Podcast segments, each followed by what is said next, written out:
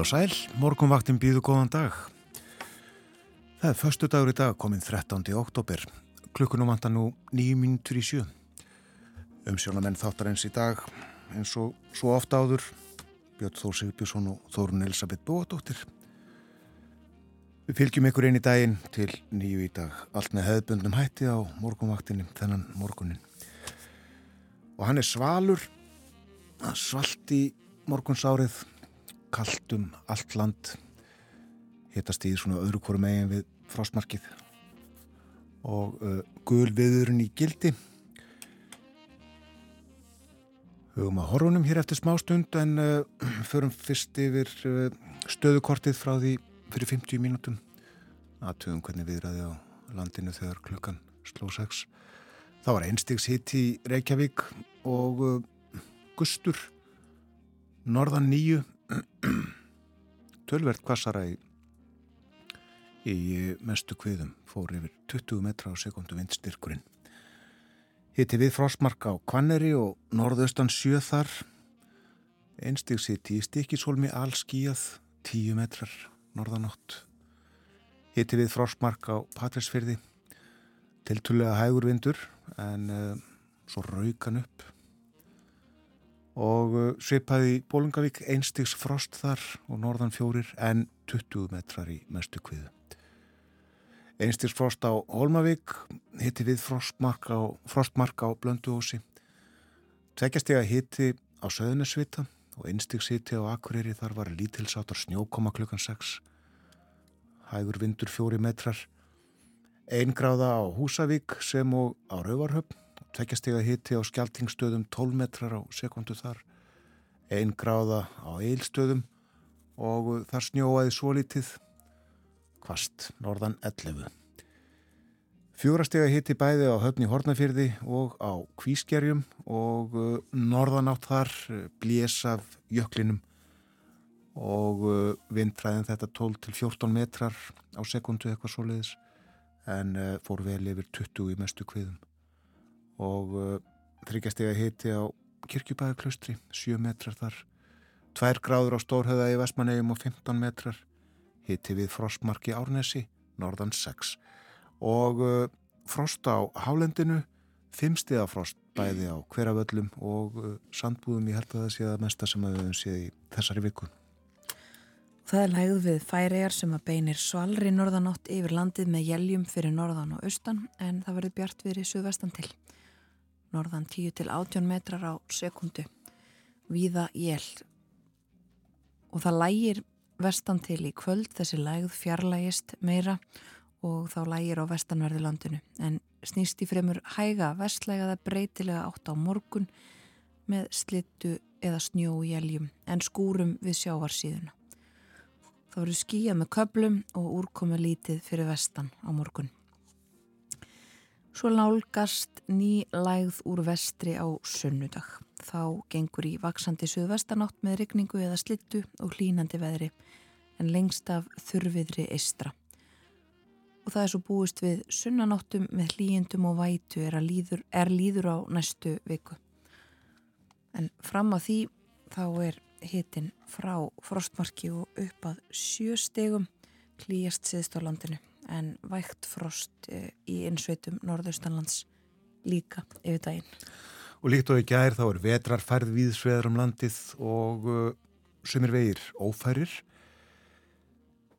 Dinendisheiði er til að mynda ófær og fleiri vegir uh, koma því eftir smá stund uh, nefnum það fyrst að það er hálka og skafrinningur á hellisheiði Það þurfti nú að loka helliseiði í gær og losa fjölmarka bíla sem að lögðu vanbúnir á heiðina.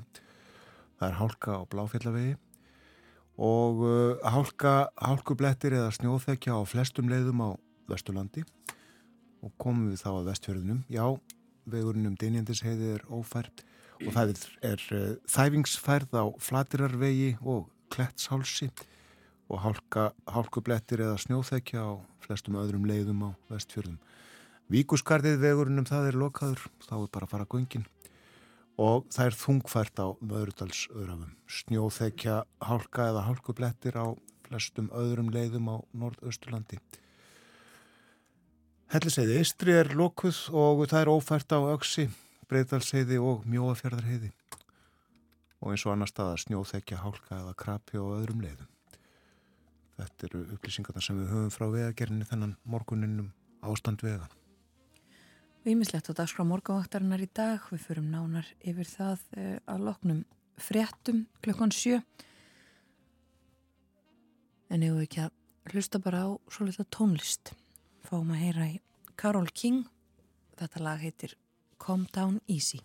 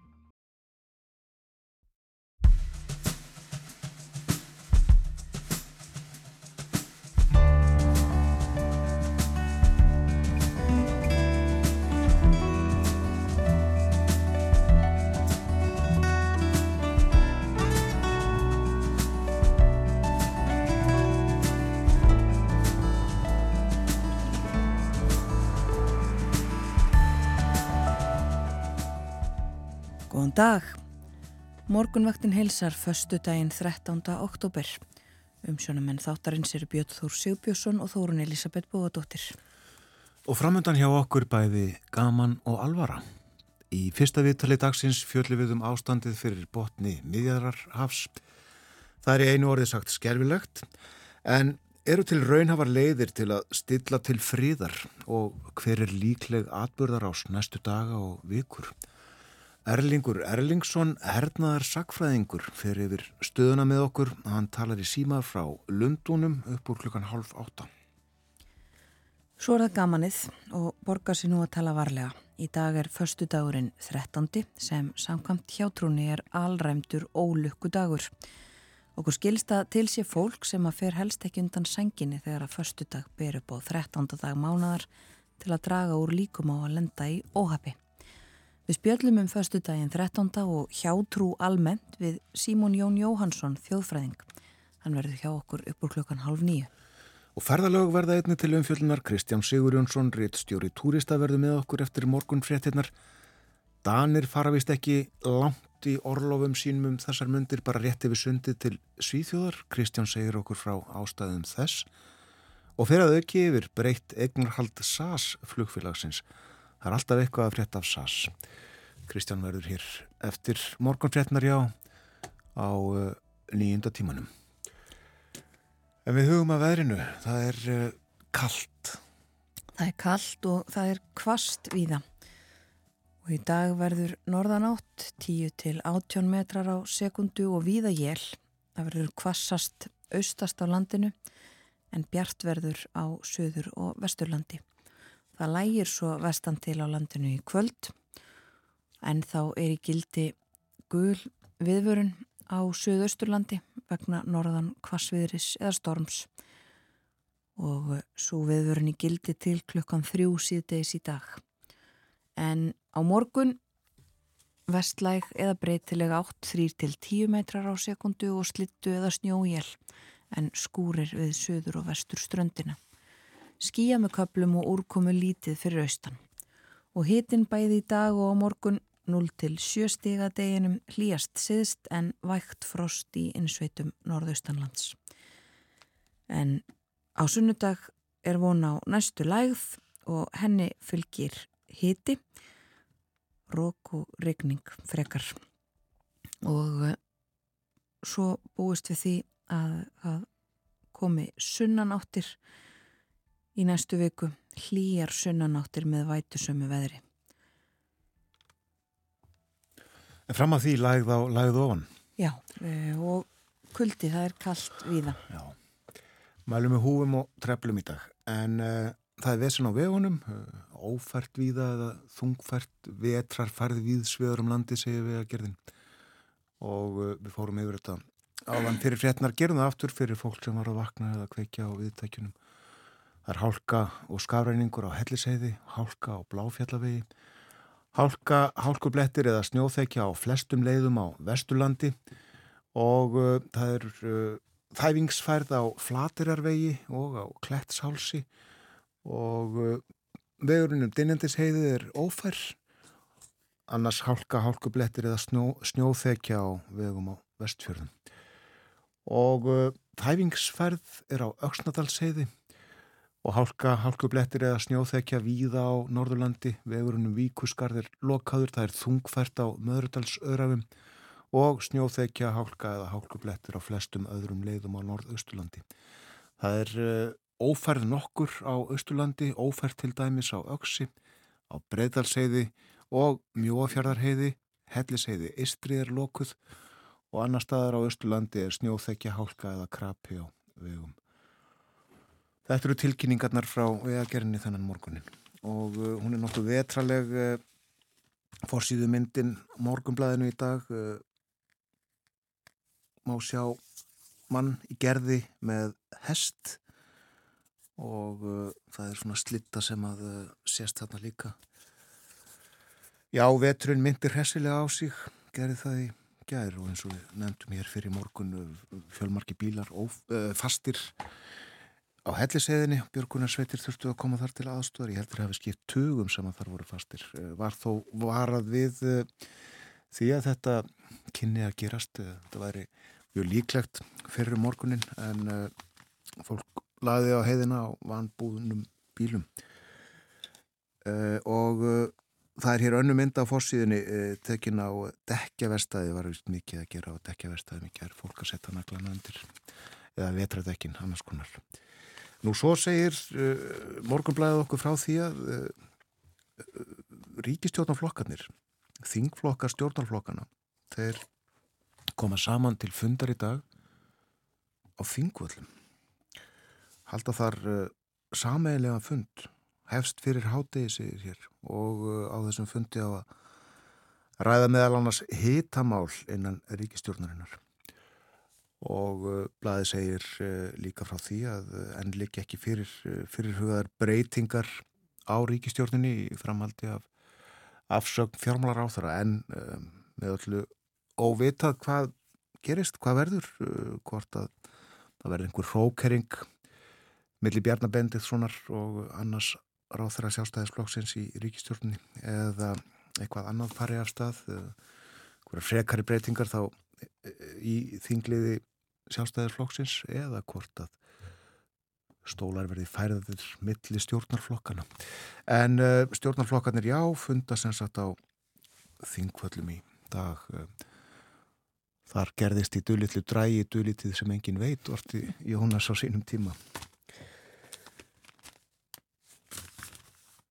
Þetta er mitt uh, líka umfyllunarefni á fórsíðun á heimildinni sem kemur út á fyrstu armslengt frá stjórnargreppu er fyrirsögnin þar um, vísa þar í þessi armslengtar uh, orð og sjónamið í tengslum við Íslandsbankamálið en uh, viðmælendur heimildarinnar segja að uh, Bjarni vilji hætta í stjórnmálum strax en sé tilbúin að leita tímabundið að skári útgöngu.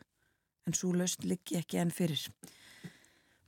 Þetta skýrist líklega allt á næstu sólarhingum hvernig fer með hverjir sitja við ríkistjórnar borðið og hvernig þessu verður átað.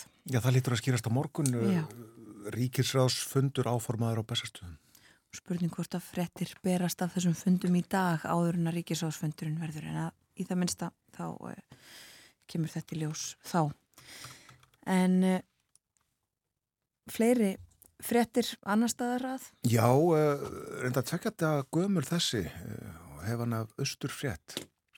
Ég sá hann ekki í dag eða gæðir en uh, hér er mjög áhuga að vera frett uh, eins og fyrirsóknarnar ber með sér Rímspillis ár rugglaði östfiskar þorrablótsnefndir í rýminu Dagsetning næsta bóndadags hefur vafist fyrir östfiskum þorrablótsnefndum Aldagamlar reknireglur ráða því að dagurinn er síðar en hann er vanalega rugglingur í fjölmörgum dagatölum reyndist nefnda fólki nærri dýrkiftur.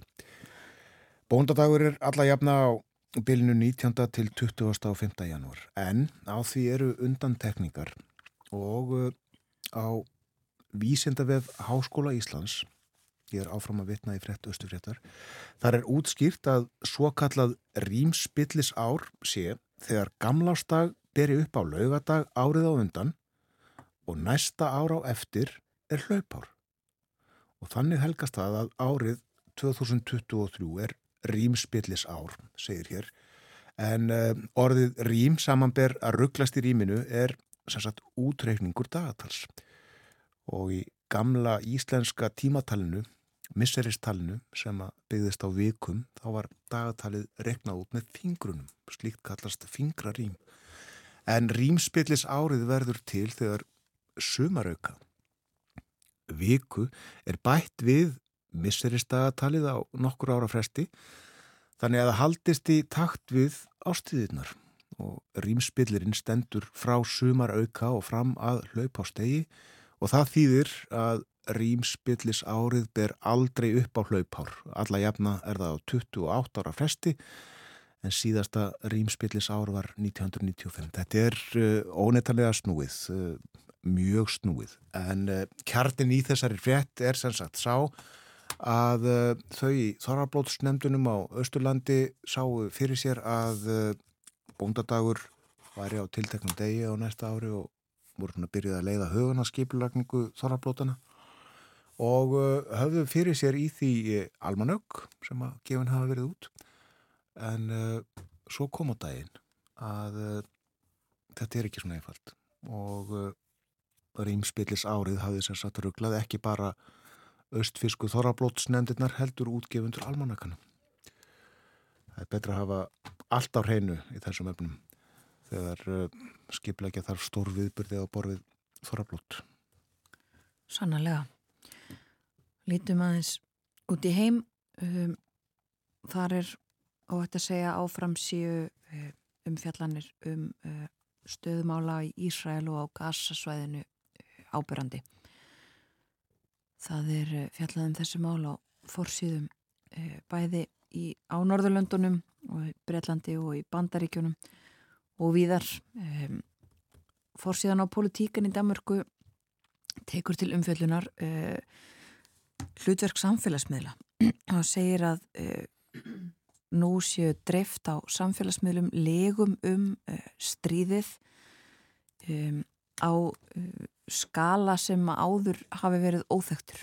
Það sé svo gífurlegt magn af raungum upplýsingum segir að á fyrstu klukkustundunum eftir árás Hamasliða á Ísrael og svo í kjölfarið um, hafi samfélagsmiðlar gengt mikilvægu hlutverki. En uh, það hafi mjög snöglega breyst og uh, aldrei fyrr hafi legar breyðst jafn rætt út.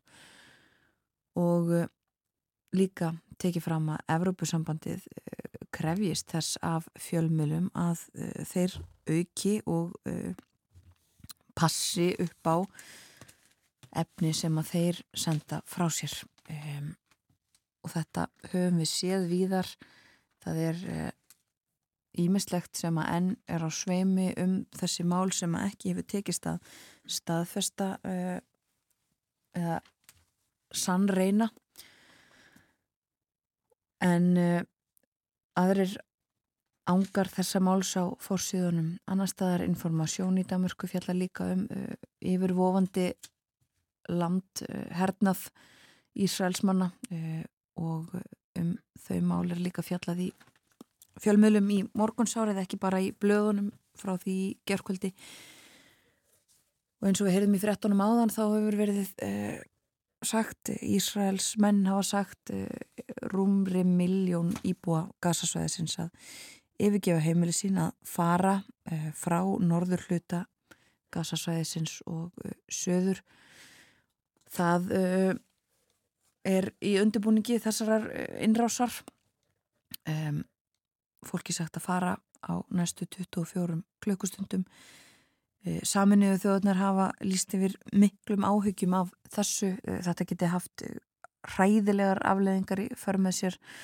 um, og það sé ómögulegt fyrir þennan fjöldafólks að færa sig á milli staða á þessu litla svæði sem að gasa er. Og uh, fjallaðum þessi mál, já, uh, víðar, það er líka uh, talað um þetta í bandarískum og, og breskum fjölmjölum um það að þó að uh, þau ríki séu að senda hernaðar stuðning og, og lýsi fyrir stuðningi við Ísrael að þá sé verið að reyna að halda aftur af um, aðgerðum Ísraels á gasasvæðinu uh, það sé uh, og nöðsynlegt að sína einhvers konar stillingu fjallaðum það líka í, í breskablaðinu Guardian í dag hvaða reglur gilda í stríði. Það má ekki beita fyrir sig uh, almennum borgurum og það má ekki, uh, má ekki herja á þá sem að uh, svo virðist sem að, að sé að gerast. Svo eru þetta spurningar líka uppi um það hverjir séu aðilar að slíkum reglum.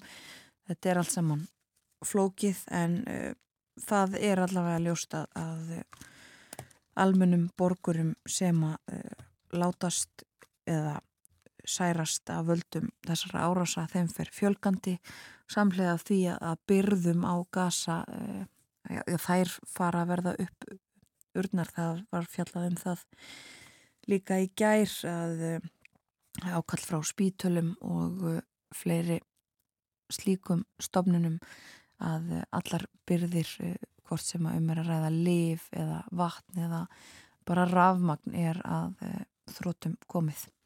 Og Við fjöllum um stöðuna á eftir með okkur eftir nokkra mínútur verður Erlingur Erlingsson hernaðar sagfræðingur í Breitlandi hann fer yfir stöðu mála fyrir botnum meðrarhafs með okkur.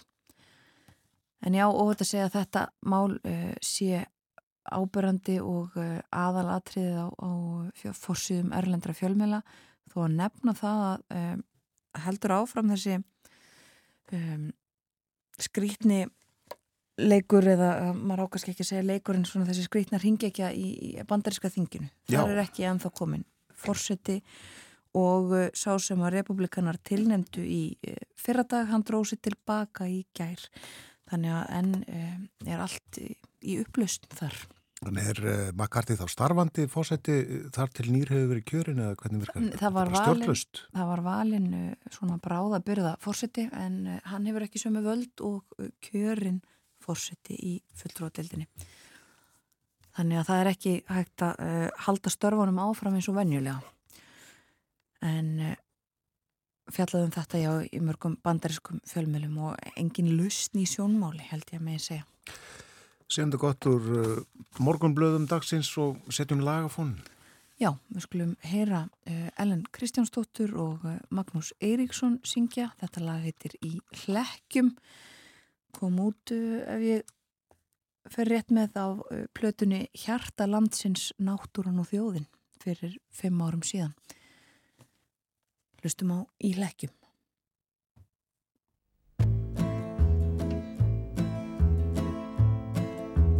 Þar sem fagnandi menn fullöldinu líst og fánan dróðu að búni á reysi hús sem ríkisvaldi forðum rist á allarhólstúni. Leynist mikil sorgar saga, svartra þjáningar daga. Þegar vandar höggin voru gjöldin fyrir að virði ekki reglur og að.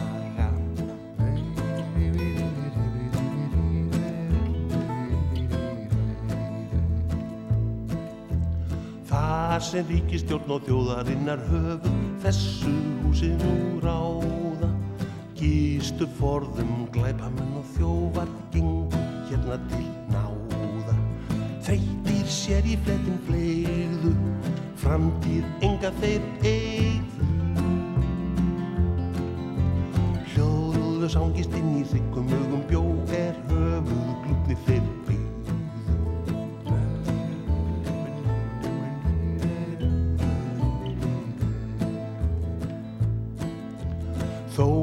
hérna hafi fyrir löngu flest að fullu gengið úr skorðum. Leina skýtrur og varaðstu sölum eins og þær voru forðum. En hér andar er á sveimi eins og húsi þá geimi undir súðinni þeir en þá sitta hér sem aftan fortíðar heimi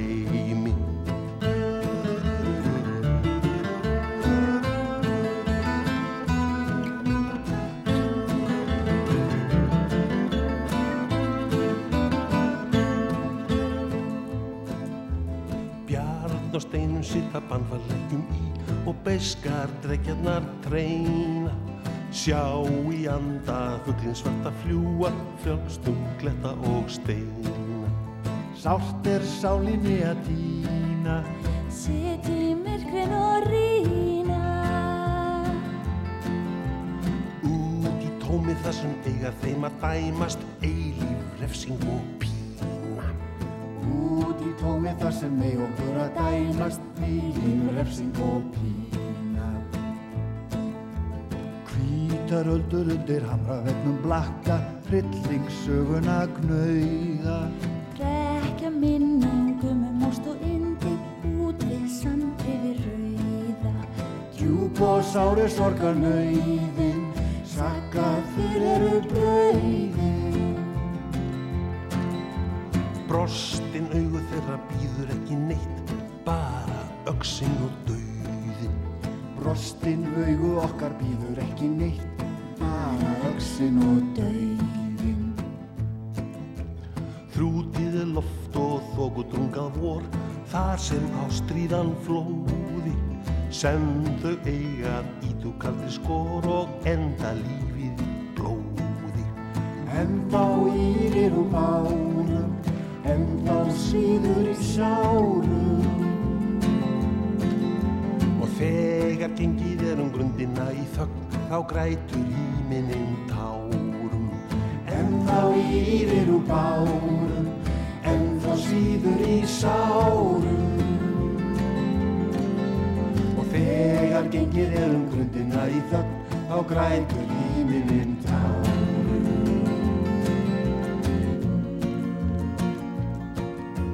En í dag þá líða margir mikla nauðum, myrka nætur þeir vaka og yðra sárt þótt yngu fáist breytt og ekkert tekið tilbaka. En þá írir úr bárum, en þá svíður í sárum og þegar gengið er í grasinu í þögn, þá grætur híminn tárum. En þá írir úr bárum, þá sviður í sárum. Og þegar gengið er í grasinu í þögn, þá grætur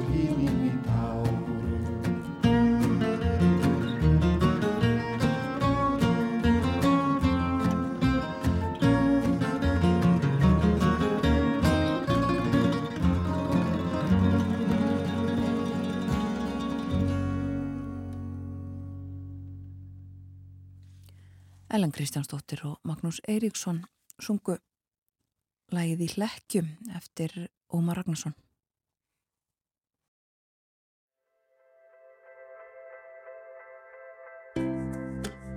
Sæl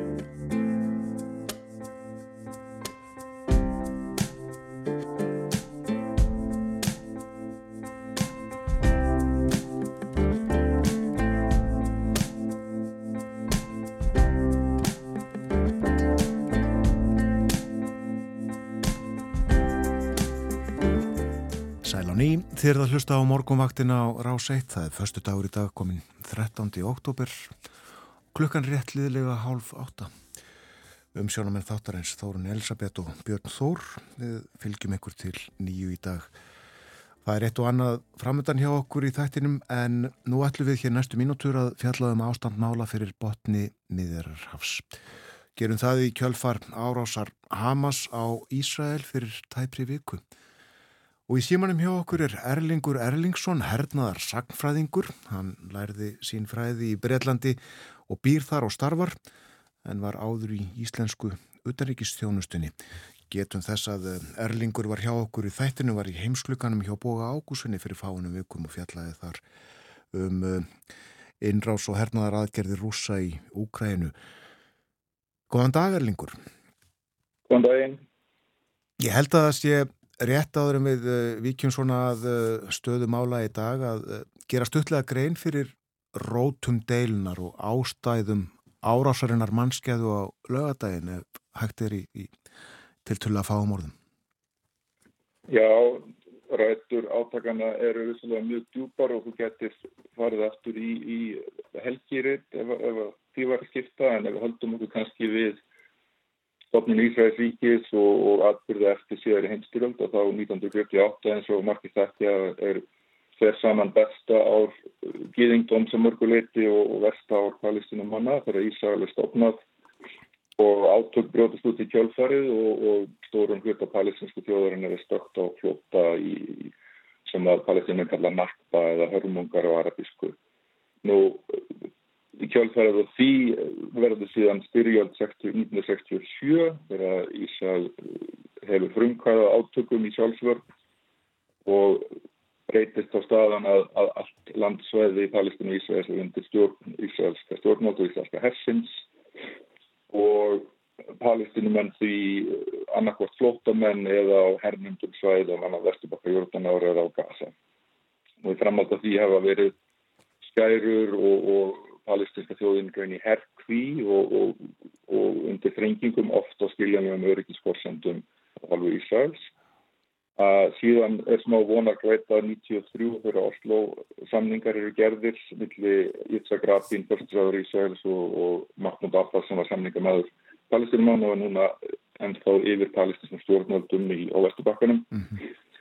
og það býður upp á veg, veg, vega á allunni 8-2 ríkja löst en undan, undan þeirri röstni verður verið molnað eh, bæði óbengt og, og með ráðum og dáð ísæðska stjórnvalda í framhaldi þannig að sámöguleikir ekki raun fyrir hendi. Nú er þetta spurning hvað við viljum keira langt með, með bakgrunn átökum að við kannski horfum aðeins á hvað er aðdragandi þess sem gerist núna er að það var stjórnarkeppa í Ísæl allt síðasta ár undir lokars nær Netanyahu og líkotflokkurinn að mynda stjórn með því sem eftir kalla afgahægri flokkum landtökumanna uh, og þeir setja á ottin í stjórnastefnu mjög aukna landtöku á vestudakkanum og styðja landtöku menn þar meðal annars með aðferðum sem að hafðu til þess að þótt ólöglegar af hálf ísæðska stjórnvalda.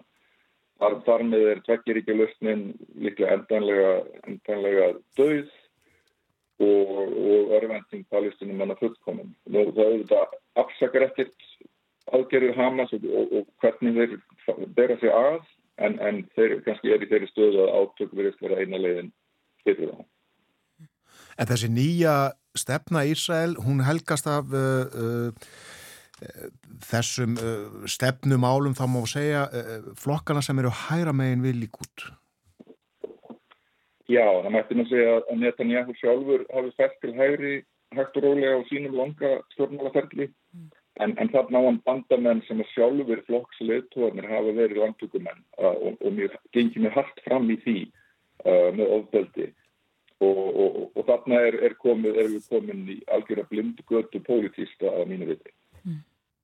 En ef við tölum aðeins um þess að allegu Hamas uh, á lögadagsmorgun fyrir viku tæpri, uh, sko hvers vegna þessi tímasetning uh, og það hefur komið mörgum á óvart hversu já, árangursrík, hversu langt þeir komust og hversu litlar varnir voru til taksi í Ísrael?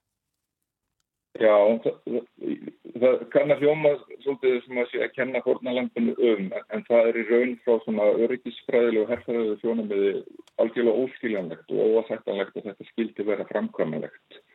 Hamas, eh, þó, að þeir séu úrraða góðir, að þá eru þeir ekki, ekki hvað maður að segja, þróaður herafli sem, sem ætti að geta komið lið eins og Ísrael og óvart. Þeir hafa gríðarlega mikið eftirlit með gasa með öllum fjarskiptum, þeir hafa net njúrsnara með palestinumanna. Þannig að það að þetta skildi að ná að koma Ísraelsmannum á óvart er, er stórmerkilegt og svo eins hvað varnir og viðbúnaður var, lítill og, og hægur. Uh, Sumir hafa skýrta sérfræðingar með því að, að fókus Ísraelska hessins hefur í auknum mæli verið á vesturbakkan þar sem þeir hafa verið að styðja og verja þessa auknu landtöku og, og ég held að séð einhver staðar um 70% af herraflans sé þar, upptekinn við það og, og því myndast ákveðu öryggiskatt sem, sem býður upp á þessa hræðilegu aðbyrði. Já. Leinið þjónusta Ísrael uh, almennt talin með þeim öflugustu í heiminum ekki satt? Jú, menn klóra sér mjög í höstum yfir hvað kann að hafa gert hér og, og kannski þegar Ísæðismannum rennur reyðin og áfassið sem við sjáum núna þá mun verða gríðarlega naflaskoðum alveg eins og varð eftir 73 stríði sem kom Ísæðismannum mjög óvart að, að, að þá mun það gerast hér og það verða einhver aflega eitthvað politist af því þegar það er fram í framvíða sundir. Hvað eh, telur þú líklegt að gerist núna á næstu dögum og vikum? Já, það er kannski sem, sem svona enganga því er, er ágætt að nefna að, að margir Ísraelsmenn hafa talað um að þetta sé þeirra 11. september og, og þessulega er ímislegt sem minnir á áfallið sem var þá í bandaríkjónum og um að sé því miður að, að offlossið og, og, og krafturinn í gagnárásinni minnir einmitt á það sem að margir segja núna hefur verið mistök eftir 11. september á halvu Vesturlanda. Nú, loftárásir hafa nú þegar verið gríðarlegar á, á Gaza. Umfang þeirra í samhengi við loftárástildunis bandaríkjumanna gegn ISIS í Sýrlandi eru með þeim hætti að þær eru mjög umfaks meiri og þar ættu þeir samkvæmt öllum aðfjörlegum að gæta að því að, að almenni borgarar verði ekki í fórnuland slíka árasa en, verður að gera það í mun minnamæli hefði það að gert áður. Uh, eins, eins að hafa klift á vatn og, og rammagn og mat til gasa þá verður þeir varnir að stíga langt út fyrir allt og lög. Nú, annað sem er líklegt að gera því beinum fram að því er að það er verður bara tímaspursmál á næstu dögum eða klukkutímum að það verði innrás, dýsaða sér inn á gasa en, en það er gríðarlega erfitt hernaðald verkefni að fara inn og berjast í svona ofsalega þéttbílusvæði gasa í heild bæði, bæði opið land og borgir er á starfið Reykjavík og Kópavók samtals. Og þannig er næstu í 2,5 miljón manns uh, mjög þéttbílu svæði. Og, og slík, slíkar hernaðar aðgerður inn í borgum eru mjög erfiðar. Það er, það er líklegt að vísa þess meðan eigi erfið með að ná sínum markmiðum sem er annars og eru upprætt að Hamas sem er, er mestum útlöka og hins vegar að frelsa þessa hátt í 200 gísla en erfitt verður að gera það með valdi og, og farandinn á svæði þar sem að Hamas mun beita hjartbrengjum, fyrirsátum, gildrum og, og vopnum sem geta laskað í svæðska skriðfrækja. Erlingur, tölum aðeins um Hamas sem að sumir segja að vera hriðverkarsamtök en uh, aðri segja að uh, það sé ekki rétt skilgreining. Hvernig lýsir þú Hamas? Hamas er, er kannski ekki ein einsleitt fylging en, en þó er þeir kannski komnir mjög langt og há vegferð og það mætti kalla á hriðverkarsamtök þó að það sé húttaksinu umdennalegt og, og saminuðið að það hafa til dæmis ekki náð saman um skilgreiningu á, á, á, á hvað hriðverkarmenn eru. En þorsagan er svo að þeir eru ólík fylgum palestinumanna uh, skera sér þannig frá Fatah sem er aftæki PLO samtakana palestinumanna og þeir vinna kostningar á Gaza og vinna kostningar palestinumanna 2006 uh, og í kjálfærið á því gera Vesturland að mati til dæmis Tony Blair sem var sett eitthvað sendifulltrúi til þannig að Európa samsæst bandarækjum og Rúslands gagvart málefnum miðasturlanda að, að þeir krefjast þess að Hamas viðkenni tilvist Ísraels ríkis og leggji niður vopnaða baráttu. Uh, Hamas sætti sér ekki við það og því skera þeir alla fjárvetningar til Hamas og Hamas er einn fellur í fangið á, á Íran sem, sem síns helst að stuðningsmann síðan og, og, og það verður mikil öfgaþróunir braut í, í framöldu því. Síðan, síðan í mjög stökkum áli verða átökmikið fatt á Hamas og Palestina er einn klófin þannig að Hamas stjórna Gaza og, og Fatah og palestinsk stjórnvöldin en Gaza lappa stjórna Vesturpakkan. Eh, hvað getur við sagt um uh, uh, samband og tengsl Hamas annars vegar og svo uh, palestinskra stjórnvalda, Abbas og hans manna? Þeir náðu sátt, sam, sátt samningum upp á 2014 á pappir að minnstakosti En, en í framkvæmdini hefur ekki orðið uh, raunveruleg samstæðu stjórn en, en bein átök millir þessari fylkinga eru að baki. Uh, það má þá segja að Hamas eru, eins og ég segi, stuttir af, af Íran og, og, og, og sýrlendingum sem leitt og hafa náðið samband við, við aðra umbjöðundur Írana sem eru Hezbollah samtökin í, í, í Líbanon.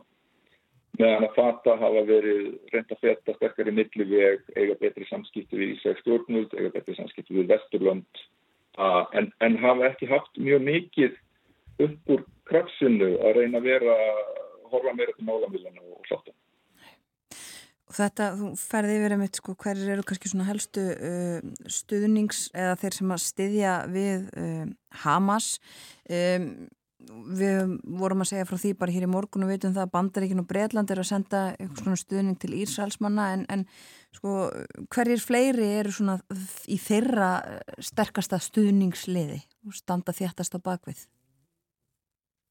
Fyrir Ísæl hefur það fyrst og fremst verið Bandaríkin þeir, þeir fá lögbundin hernaðstuðning frá Bandaríkinu og um þetta frá millir dólar árlega. Uh, og, og Ísraels her er, er að sumuleiti eins öflugur og nútumæglegur og, og, og raunber vittni vegna þessa stuðningsbandar bæði, bæði þessara fjárveitinga og vegna vopnasjölu til Ísraels hers. Mm -hmm. uh, Evrópusamband og Evrópuríkin hafa reynda að vera þetta meiri milliveg heldur en bandaríkin hafa gert. Breitland visslega hefur stíð út úr, úr þeirri í európska samstarfi og, og eru kannski nær því að vera eins og, og bandaríkinn þess að dagana. En, en stuðningu frá Breitlandi er mjög takmarskóð. Og nefnum þá að uh, Antoni Blinkan, utrækissáþra bandaríkjana, er í Ísrael núna? Já, ég held að hann sé á leið til Amman í dag að hitta Mahmoud Abbas og, og Jörgdaníu konung uh, og hann ætlar að, að fara um miðastu lönd það sýnir í raun og veru áhyggjur bandarækjumanna að, að viðtakara átök kunni að brótast út. Uh, Hesbóla getur gripið til vopna með einhverjum hætti til að hefna fyrir einrás, og gasa sem er fellir mikið af almenna borgurum og ferli sem hefur verið í gangi undarfærin ár að, að svo ég sleppti normalisera samskipti í Ísæðs við mörg Araparíki það býður ákveðið skipbrót núna og samninga við Sátarabíu sem er virtust mjög nálægir eru, eru núna ólíklega að þá í náni framtíð. Já, en ræðum þá einmitt aðeins nánar um þetta uh, svona starra samhengið. Uh, Bandaríkjumenn segiru óttast það að það brötust út einhver frekari átök. Uh, hversu líklegt er að þetta verði á, á enn starri skala? Svona kallt mat og, og maður heyri kannski svona heldur sérfræðinga kannski það sem er ekki fremstu línu í, í, í fjölumölumandilega erlandis að það er mjög ólíklegt að, að fjöldögulega átök brjótist út. Að hagsmunni ríkjana uh, líkja ekki þá oft. En, en ég tel eins og að líklegt að, að Hesbóla skerist í átökinn með einhverju liti uh, vantilega þá með stórfældum eldflögu árásum við, við sáum gríðilegt umfang eldflögu árása palestinumann á Hamas á, á Ísrael sem að við upphafa þessara, þessara átaka uh, Hezbollah hafa miklu, miklu meiri getur til árásum með eldflögum og, og hafa byggt upp gríðilega vopnabúr og eins hafa þeir byggt upp mikla getur til að fást við Ísraelska herin á jörðunniðri ef að, ef að ansvar uh, Netanyahu við slíkum árásum væri þá einhvers konar aðgerðir inn í, í söður líkanar og, og, og allt svo lærdóm sem þeir hafa dreyða því að berjast í borgum sem meðal annars kemur frá uh, því sem að Hezbollah hafa gert í Sýrlandu undanfærin ár uh, fyrir, fyrir Sýrlands stjórnvöld því hefur verið miðlað til Hamas á, á Gaza þannig að svo geta hefur einnig aukist þeim einn telur þú uh, einhverja raun hafa leiðir til að friður komist á þarna á næstunni? Það, það er mjög erfitt að sjá ein, einhver ljós í, í, í því sem við erum að horfa á núna. Mestar áhugir hef ég því að það virðist svo sem að, að Tony Blinken og, og bandarist vörnvöld þeim gangi mjög illa að fá Ísæðismenn til að sína einhvers konar hóf í þeim aðgjörðum, bæði þeim loftára sem átti stað að hinga til og hvernig þeir eru að nálgast mögulega innræðs inn á gasa. Þannig að til skamstíma litið er, er, er hérna, eru vonum er ekki miklar og ég, ég tók eftir því að í frettæfilitunum rétt á það nefnduði þessa, þessi fyrirmælu um að miljón palestinumann ætti að yfirgefa Norður Gaza. Nú Netanyahu hefur sagt að palestinumann er einhverja yfirgefa Gaza í heilsinni. Þetta í huga palestinumann kallar náttúrulega aftur til 1948 þegar stórum hluta þjóðurinn er stokt á flótta og er, er auðvitað útlökaði þeirra huga því að endur koma er, mun ekki vera möguleg. Já, einmitt og ekki bara útlokaði þeirra huga, það er bara uh, raunverulega útlokaðir það ekki þau komast ekki neitt, fólk sem að þarna er. Jú, það er alveg satt. Og þó að, Ísa, þó að Egiptar myndi opna landamærin inn á Gaza og, og leita fólki þangað þá, þá er bara ekki, ekkert sem að eiginlega leifir því að gera það endur taka hörmungarnar sem eru, sem eru innbrendar í, í þjóðar minningu palestinumanna og þau búa ennþá við það að að stórliti palestinstjóðurinn er annarkoð brottrækur í öðrum landum eða hennilega í flóttamannabúðum með stuðningi saminuð þjóðana, hvort sem það er í Jórdan eða Líbanon eða, eða annar stöðar. Erlingur, uh, enn stendur innrás rúsa í Úkrænu. Uh, hefur uh, ástandið núna fyrir botni miðararhafs einhver áhrif á aðgerðina þar og stríðið?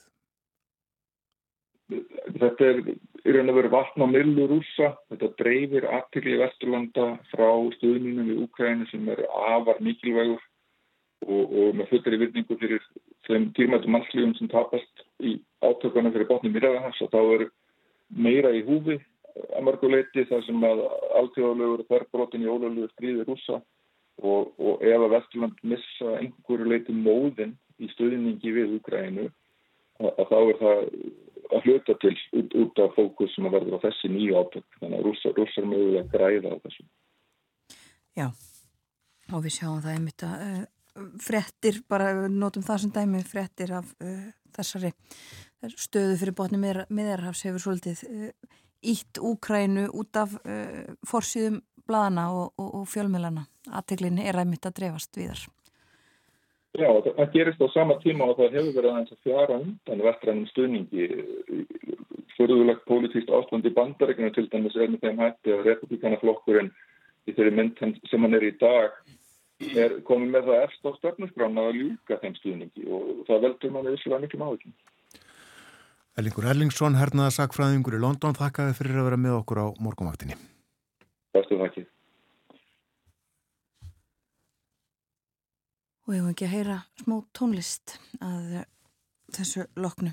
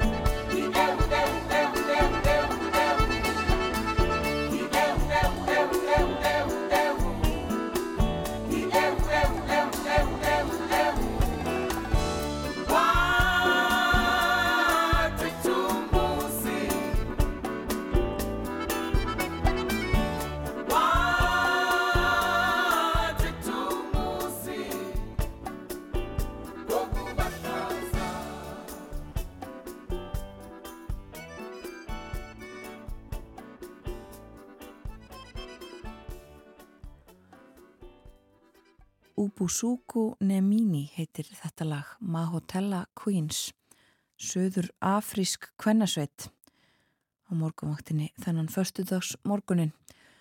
Við rættum við Erling Erlingsson hernaðarsakfræðing í Breitlandi um uh, stöðu mála fyrir botni meðarhafs og uh, líklega þróun mála komum inn á það uh, nú hafa stjórnvöldi Ísrael í morgun sagt rúmri miljón manna á gasasvæðinu að yfirgefa heimili sín flytja sig söður á söður hluta gasa en eh, Hamas samtökin hafa hvart fólk til þess að hunsa þessi fyrirmæli og halda kyrru fyrir heima hjá sér. Við leipum frettastofunni að frettir klukkan átta og svo snúum við aftur hér á morgunvaktinni.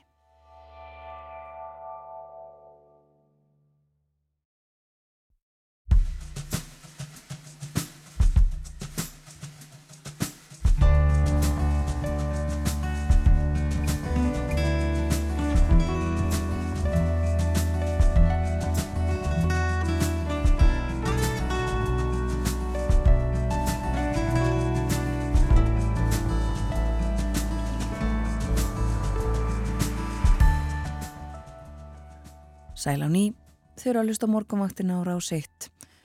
Klukkan tæpar 6 mínútur gengin í nýju þennan förstudags morgun. Það er förstudagurinn 13. Sádagur á sögu í hjátrú. Við ætlum að ræðum förstudaginn 13. og hjátrú hér á eftir. Símón Jón Jóhansson, þjóðfræðingur, verður gestur okkar í síðasta hluta þáttarins og fyrir yfir uh, þessi mál af hverju er þessi dagur, þessi tala uh, merkilegi hjátrú og, og, og fólk hugsa um þetta. Vill síður uh, gera ákveðna hluti á þessum degi. Og fleira því tengt uh, hjátrú almennt líka til umfyllunar hér áður rættum við, við Erling Erlingsson hernaðarsakfræðing töluðum um stöðumála fyrir botni miðarahafs heyrðum svo meira af því fréttunum hérna áðan en nú eins og ofta á förstudagsmórnum erum við komin í samband við Kristján Sigurjónsson, reittstjóra túrista í Svíþjóð. Góðan dag Kristján. Góðan dag. Við ætlum að tala um eitt og annað. Byrjum á SAS flugfélaginu sem uh, enn og aftur var í fréttunum út af uh, penningum og egnarhaldi. Já, það er alveg óhægt að segja að það sé eh, engin skortur og dramatík í kringum þetta flugfélag. Eh, þetta er náttúrulega langstista flugfélag í sjálfur sér eh, Norðurlanda og hefur verið í eigu já, ríkjana þryggja þar sem Noregs, Svíþjóður og, og Danmerkur en, nú er að verða mikla breytingar. Félagi fór sko í greiðslustöðun í júli í fyrra því að skuldastöða félagsins var það bara ríkarlega að stjórnundu þess tristi sér ekki til að halda áfram að óbreytti og Nú en, tekist að endur skipuleika fjárhægin og það var enn til hlutafjárútbóðs núna í sumar og, og þar fengu aðeins sko, risastóri fjárfestar að taka þátt, það er ekkert svona hinn almenni fjárfesti. Og svo í síðustu viku tilkynnt að það var einn hópur sem bauð best og, og í honum er meðal annars Danska ríkið og, og fransk-hollenska flugfélagsamsteipan er fransk KLM og sænska ríkistjórnin satt hjá og normenn eru farnir út úr hlutafóknum þannig að Þannig að þá eru bara Danir eina svona ríki sem er eftir í, í hlutafahópi SAS en það sem vakti kannski mesta aðtikli var þessi þáttaka Air France KLM því að þetta er eitt, eina af svona stærsti flugfélag samsteipu með Evrópu og, og þeir fá sér satt rétt á að stækka hlutsin í, í SAS verulega eftir tvö ár og þetta hefur hrundi á stað miklu vangaveldum um, um hvert sað stefnir og fjallaðum þetta í flugpressin út um allan heim. Hafa menn uh, eitthvað velti fyrir sig hvort að tilverðir hinnlega saminað félag er fransk HLM SAS? Já, það eru svona vangaveltir upp um það, hvort að það gerist og, og forstjóri er fransk HLM hefur sagt að þetta hérna, verði, samstarfi verði aukið töluvert og, og, og fyrir frakkana og hollendíkana þá er það spennandi að fá kaupmannahöfn inn svona sem svona þrýðja stóra flugöllin í, í þessu, þessu fyrirtæki því að það er engi launung og fórstjóri SAS hefur sagt það að, að nú verði starfseminn að kaupmannahöfna flugölli eld töluvert og, og jáfnveil þá svolítið á kostnað Oslo og, og Stokkólms og, og fórstjóri SAS talar um að nú geti félagi fara að fljúa sko til fleiri heimsálfa og auki flýið til Norður Ameríku og Asíu frá, frá Kaupmannhafn og, og það er í sjálf þessu kannski svolítið slæmarfréttir fyrir íslensku flugfélagin, Æslandir og, og Play sko, bara til marsum umferðina sko, þá eru 23 brottfærir á daskar á Keflaguflugvallar í dag til Norður Ameríku en bara 7 á daskar á Kaupmannhafnarflugvallar en, en En sko Æslandir og, og Play fljúa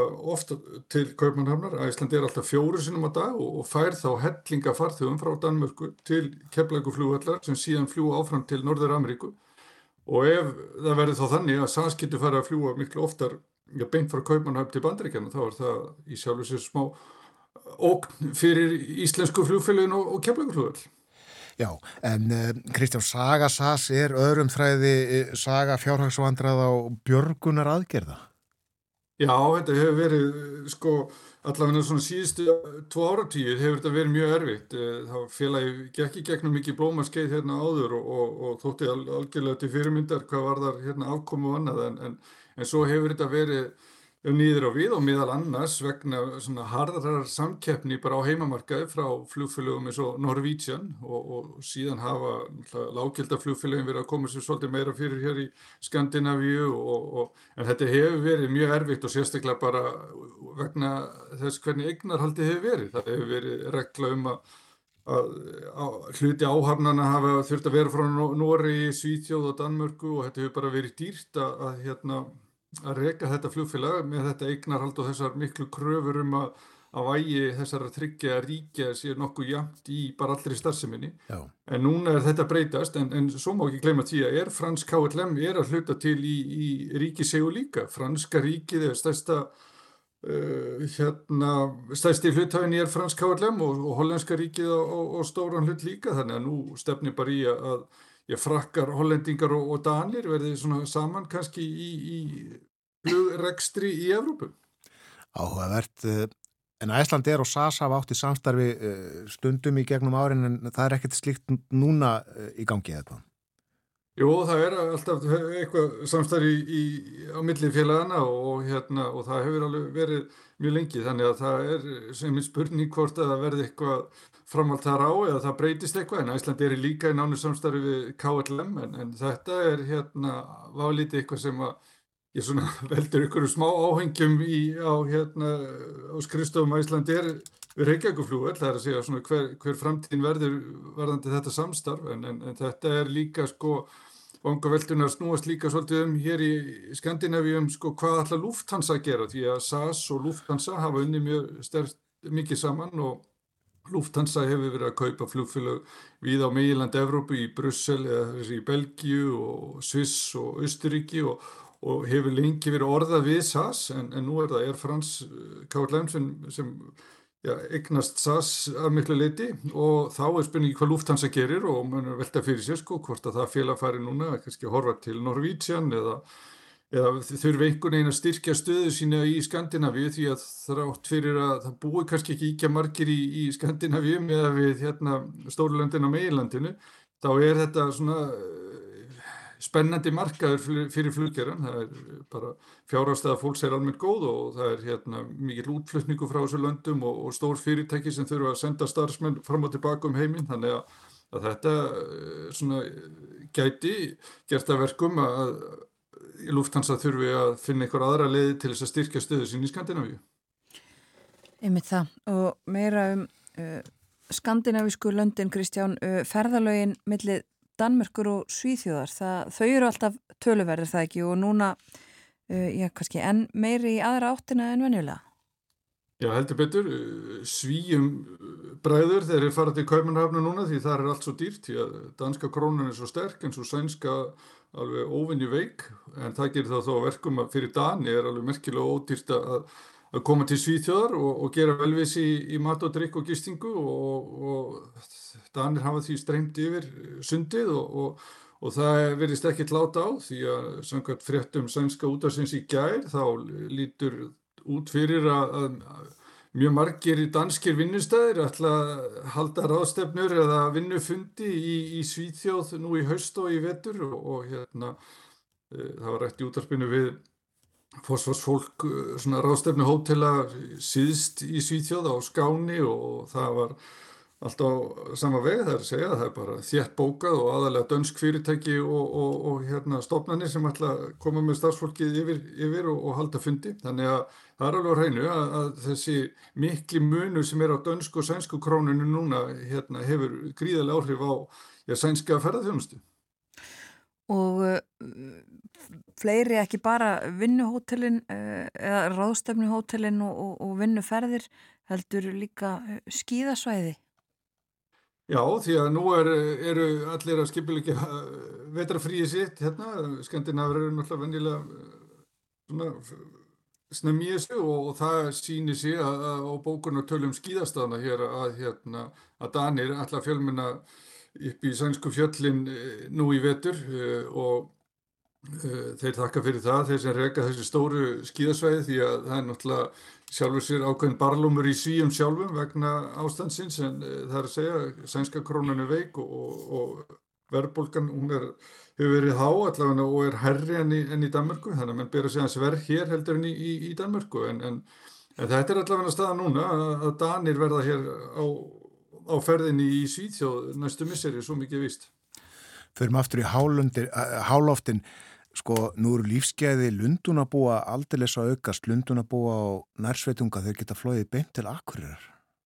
Já, þetta er, þetta er stór tíðindi og núna á lögadögum og þrýðudögum í, í vetur frá með lokum oktober og fram í ja, massa þá verður hægt að fljúa beint frá Gatvík flúvelli til akkurirar og, og hérna fyrsta ferð núna um ánæðamótin og og af fargjöldunum að dæma þá er nú eftirspurnin kannski ekkit svakalega mikil. Uh, mér sýnist til dæmis uh, akureyringar geta flóið beint úr heimabygð og til Lunduna nú í lok uh, oktober og, og í november fyrir ja, 12.000 krónur fram og tilbaka það er að segja að þeir ferðast með bara lítinn farangur það er hérna Þannig að þetta er ekki háfargjöld svo mikið víst, ég held að það sé alveg örgulega dýrar að fljúa til Reykjavíkur heldur en til Lunduna já, allavega á þriðudögum og, og lögadögum næstu misseri.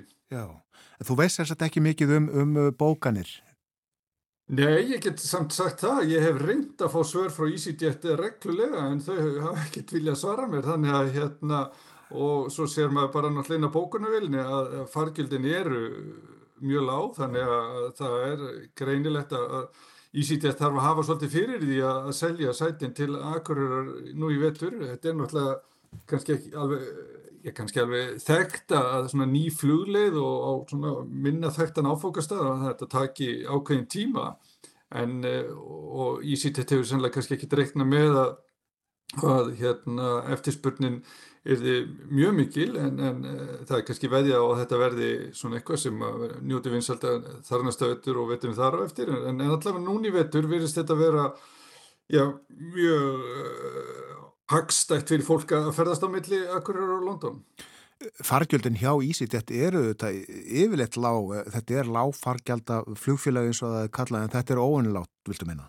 Já, já, og þegar ég ber til dæmis sama við flugið hjá EasyJet frá London til eh, Reykjavíkuruna þá er, er, er það oftast aðeins dýrara en EasyJet er mjög stórtækt í Íslandsflugi yfir vetramániðin og, og er með á daskar og sko tvær brottferðir á dag, núna yfir háveturinn frá Gatvík flúvilli, Luton og Manchester og svo bætist við náttúrulega flýði til Akureyrar og svo verið að fljúa frá Edinborg til eh, Íslands líka þannig að þau þekkja algjörlega íslenska markaðin og hafa verið ég er bara mjög virk í Íslandsflýji frá, já, þetta byrjaði í mars 2012, þannig að þetta er að vera komið mjög góð reynsla á þetta Íslandsflýji hjá EasyJet. Já, og London Akureyri þetta hefst uh, undir lokmannáðar. Mikið rétt. Takk að þið fyrir í dag, Kristján Sigurjónsson. Takk fyrir mig.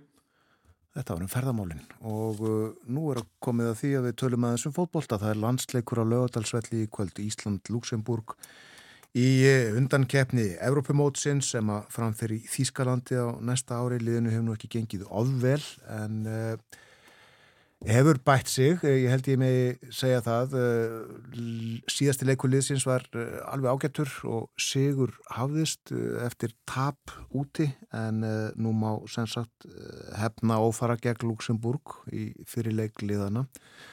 Fórun, hvernig meturu veðrið, ég ætla ekki að spyrja hvernig þú metur, metur möguleika íslenska liðsins, hvernig metur veðrið svona út frá því að, að í fyrsta lega að spila fótbolta, í öðru lega að sitja í stúkun á lögadagsvelli og horfa á fótbolta?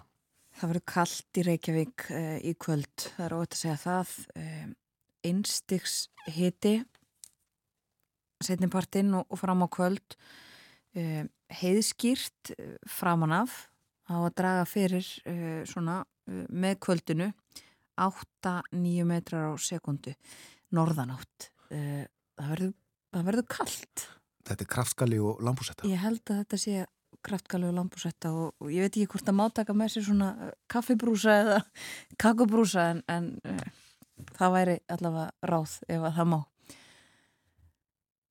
Við hlustum á tónlist heyrum Every Breath You Take. Þetta er Police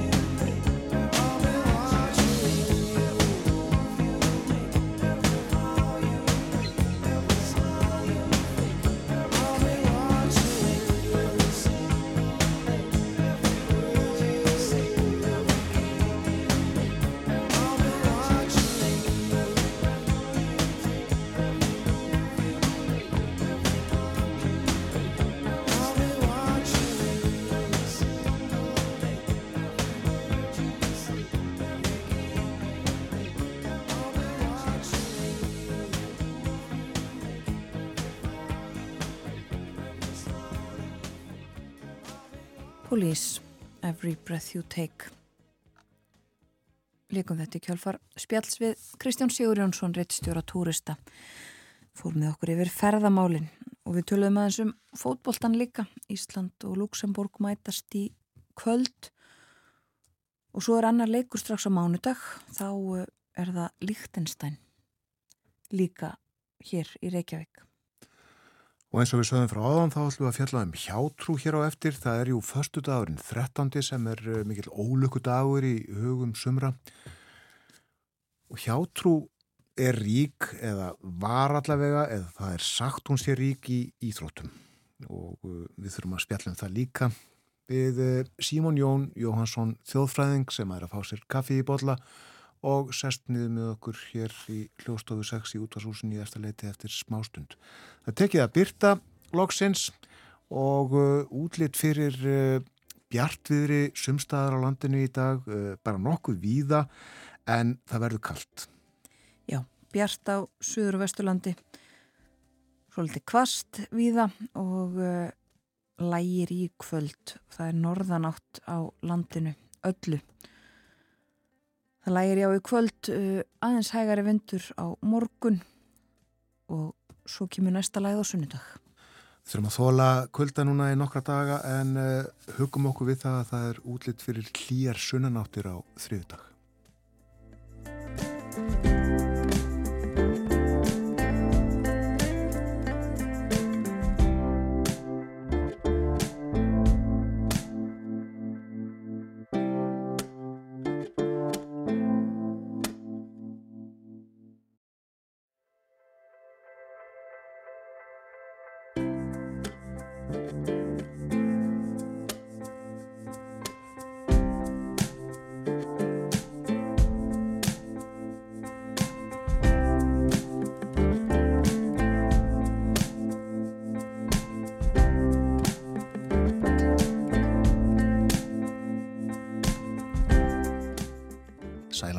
ný, þeir að hlusta á morgunvaktina á Rás 1. Klukkan réttliðlega hálf nýju framöndan síðasti hluti þáttarins þannan morgunin. Það er förstu dagur í dag, 13. oktober. Þetta er ólöku dagur, förstu dagurinn 13. Hann hefur þessa áru yfir sér og uh, um þennan dag og um hjátrú, ætlum við að fjalla hér næstu mínútur. Símon Jón Jóhansson þjóðfræðingur er komin í þáttin, komin inn úr kuldanum. Góðan dag og velkomin til okkar. Já, takk. Hvers vegna hefur þessi dagur þessa áru yfir sér? Sko, þetta er nú þannig að, að þarna fer saman sko tvennskonar hjátrú eða ótrú. Annars er ótrúin á, á tölunni 13 og svo ótrúin á föstudum. Og þá, þá magnast þetta náttúrulega um helming og, og hérna og er alveg skelvilegu dagur þegar já, þetta tvent fer saman. Söðumark bara. Já, já. en já, uh, föstudagurinn sjálfur hefur yfir sér ótrú. Já, já. Og hérna hefur lengi verið og, og, og hérna, þetta var nú verið þannig í heiðni að þá föstu, voru föstudagar sko, e, sem sagt, dagur hérna freys, eða frjádagur og hjá Rómurinn var þetta sem sagt dagur venusar, þannig að þetta var dagur gleði og, og svona hérna frjósemi og og menn, já, ástardagur í rauninni. Og svo þegar kirkjan eða kristning kemur til sögunar þá, þá eiginlega snýruðu þessum degi upp í andkverju sína.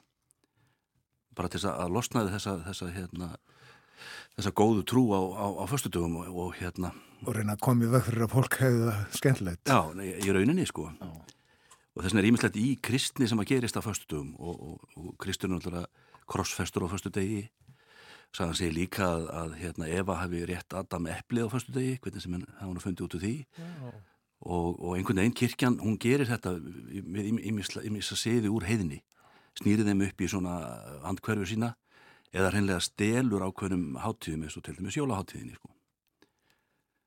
En 13, hvað er að 13? Já, 13 er, er sko, þetta ás rættur að reykja til, til Súmera sem að byggðu hérna landmill í Mesopotamíu hérna svona um 3000 árum fyrir Krist.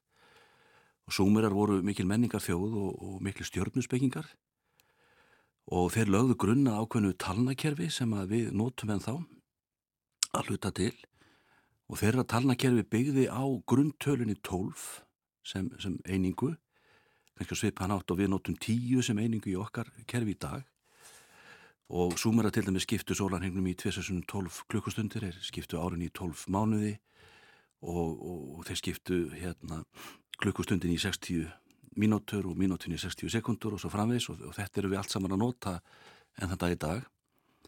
Og þá myndaði sagt uh, talan 12 ákvæmna hild og þá var 13 uh, sem sagt tala sem var stök og ein utan við þessa hild og þar er leiðandi einstök og þar er leiðandi kannski heilug og þá líka hættuleg. Og þetta er unni grunnurinn af, af þessari ótrú sem fylgir tölunni 13 Já, það er meira um hana fjallað heldur en förstu dagana Já, já, Við höfum húsbyggingar án 13. hæðar. Já, já, já, já.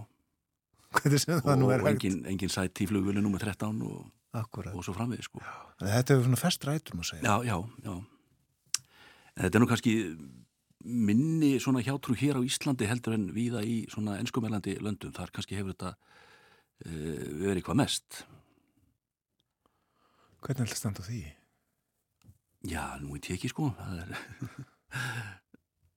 það er allavega þannig.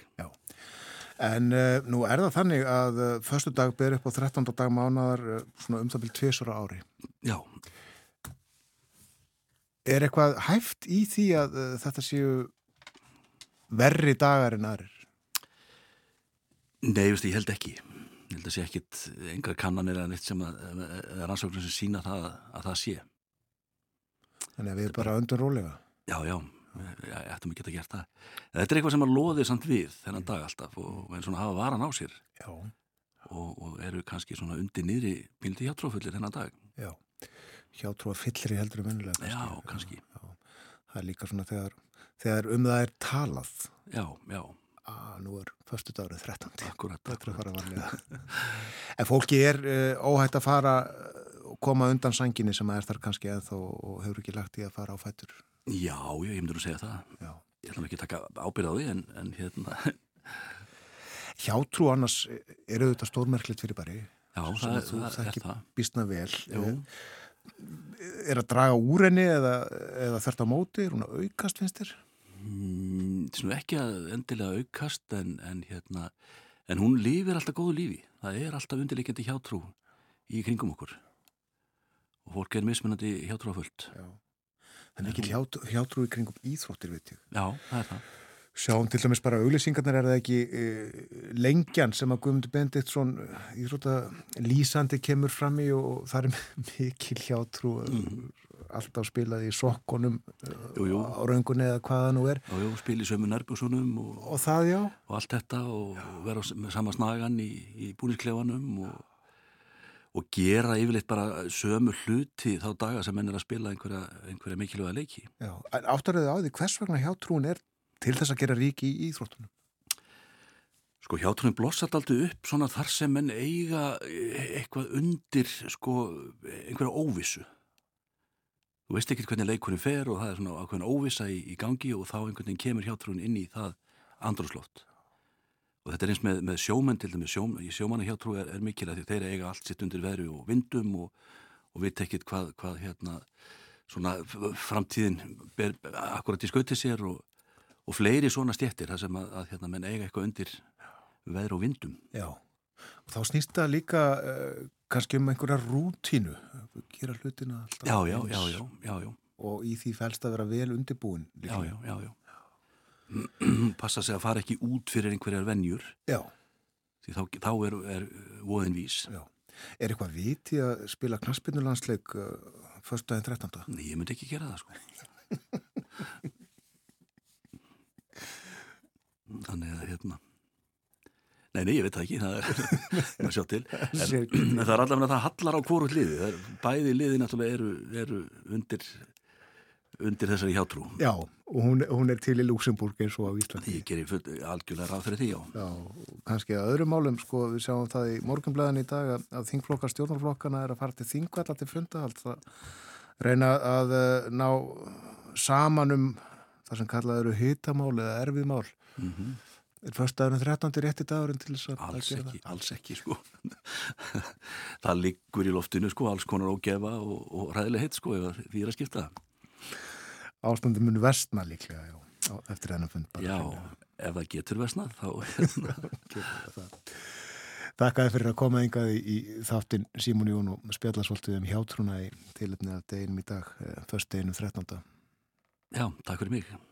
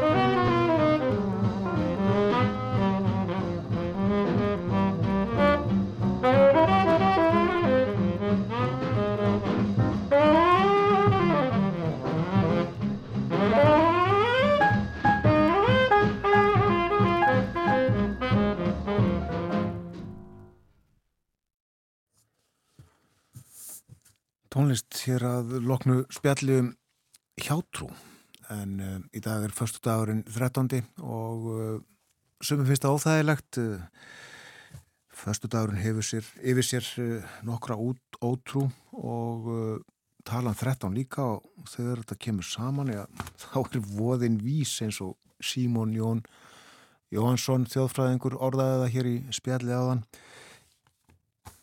það var rætt um þetta á léttum nótum það sé rétt að, að taka það fram fyrir hlustendur en eh, Símón Jón saði að það er ekkert viti því að leika knaspinu landsleik á þessum degi, först deginu 13.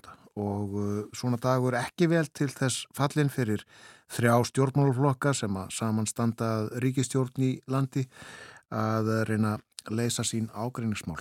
En það stendur til sem sagt, uh, samkvæmt því sem að segir á fórsíðu morgunblaðsins í dag Þingflokkar Vafge, sjálfstæðisflokks og framsóknar verða á þingvöllum í dag og uh, reyna að, uh, eins og segir hér, já, ætla allavega að ræða hitamál innan ríkistjórnarinnar og þar eru nefnd þessi mál sem að, sem að jafnan eru nefnd sem að flokkarnir eða fólk innan flokkana eru ekki sammála um og þar eru Eh, flótamanna eða innflytjendamál, orkumál og uh, þá líka svo sem að uh, ræða um uh, efnaðasmálin og stöðu þeirra í verðbólgunni sem er og ef ég skil rétt reyna að koma fram með einhverjar aðgerði sem hefur auðvelda fólki lífið Vextir enn heiminn háir uh, þráttur að þeir hafi ekki verið hækkaðir í síðustu viku eins og jafnan var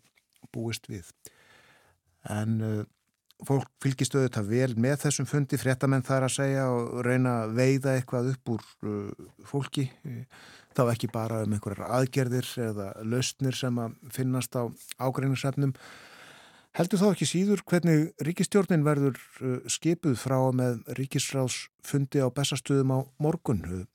Bjarni Benditsson lísti því yfir á þriðudagin að uh, hann muni láta af ennbætti fjármála og efnaðarsráð þeirra en uh, ekkert orðið ljóst en uh, hver verður þá ráð þeirra í hans stað, hvort hann viki úr stjórninni eða færi sig yfir í annað ráðunetti nú eða hvort einhverjar breytingar verða á skiptingu ráðunetta milli stjórnarflokkana þreikja fólk hefur komið fram með uh, alls konar getgáttur og uh, kenningar í þessum efnum. Og uh, þetta hefur verið mál máluna við kaffivélagnar og í heitupottunum síðustu daga.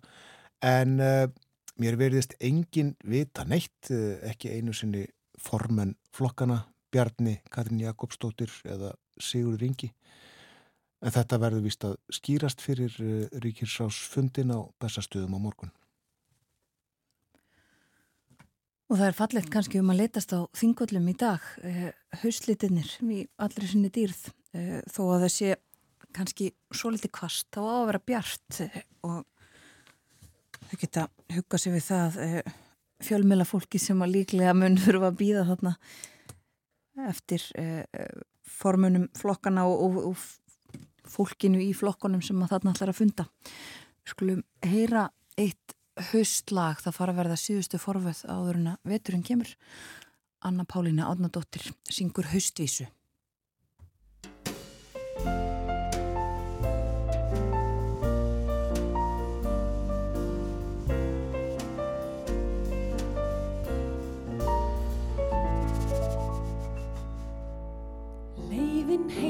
laung og ströng og laus við mannaferð. Nú mun kvöldsvalinn í kyrðinni býða Ég finna þreytan bugar mig til þín ég leita verð. Þegar að mér setur einsemt og kvíða. Það var mér aldrei augljóst hver máttugt myrkrið er og ég minnist þess sem keift var dýru verði Það er svo ótal margt sem ég ætlað hafði mér. En svo óskaplega lítið sem ég gerði. Flýttu þér elskan mín ástar að njóta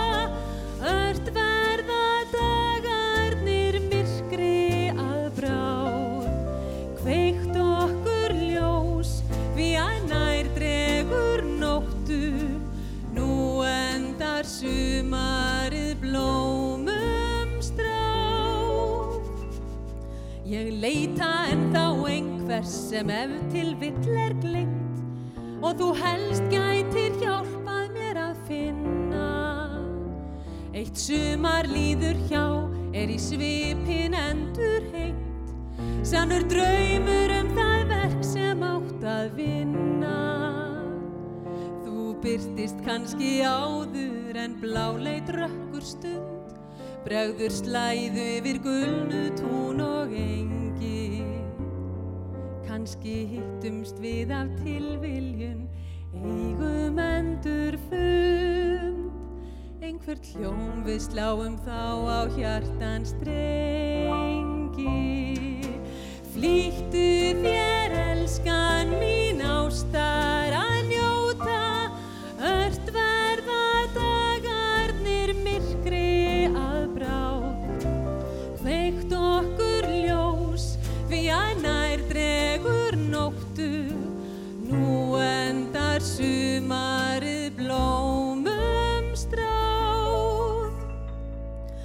leitar engin lengi við luktar sumardir Þar sem stormurinn er stuttur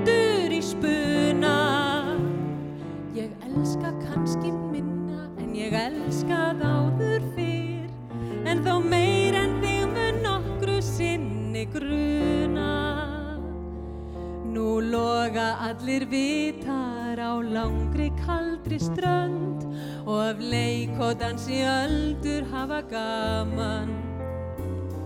Það eitt sem skiptir máli ástar, þrá og vinabönd er til staðar og við getum verið saman.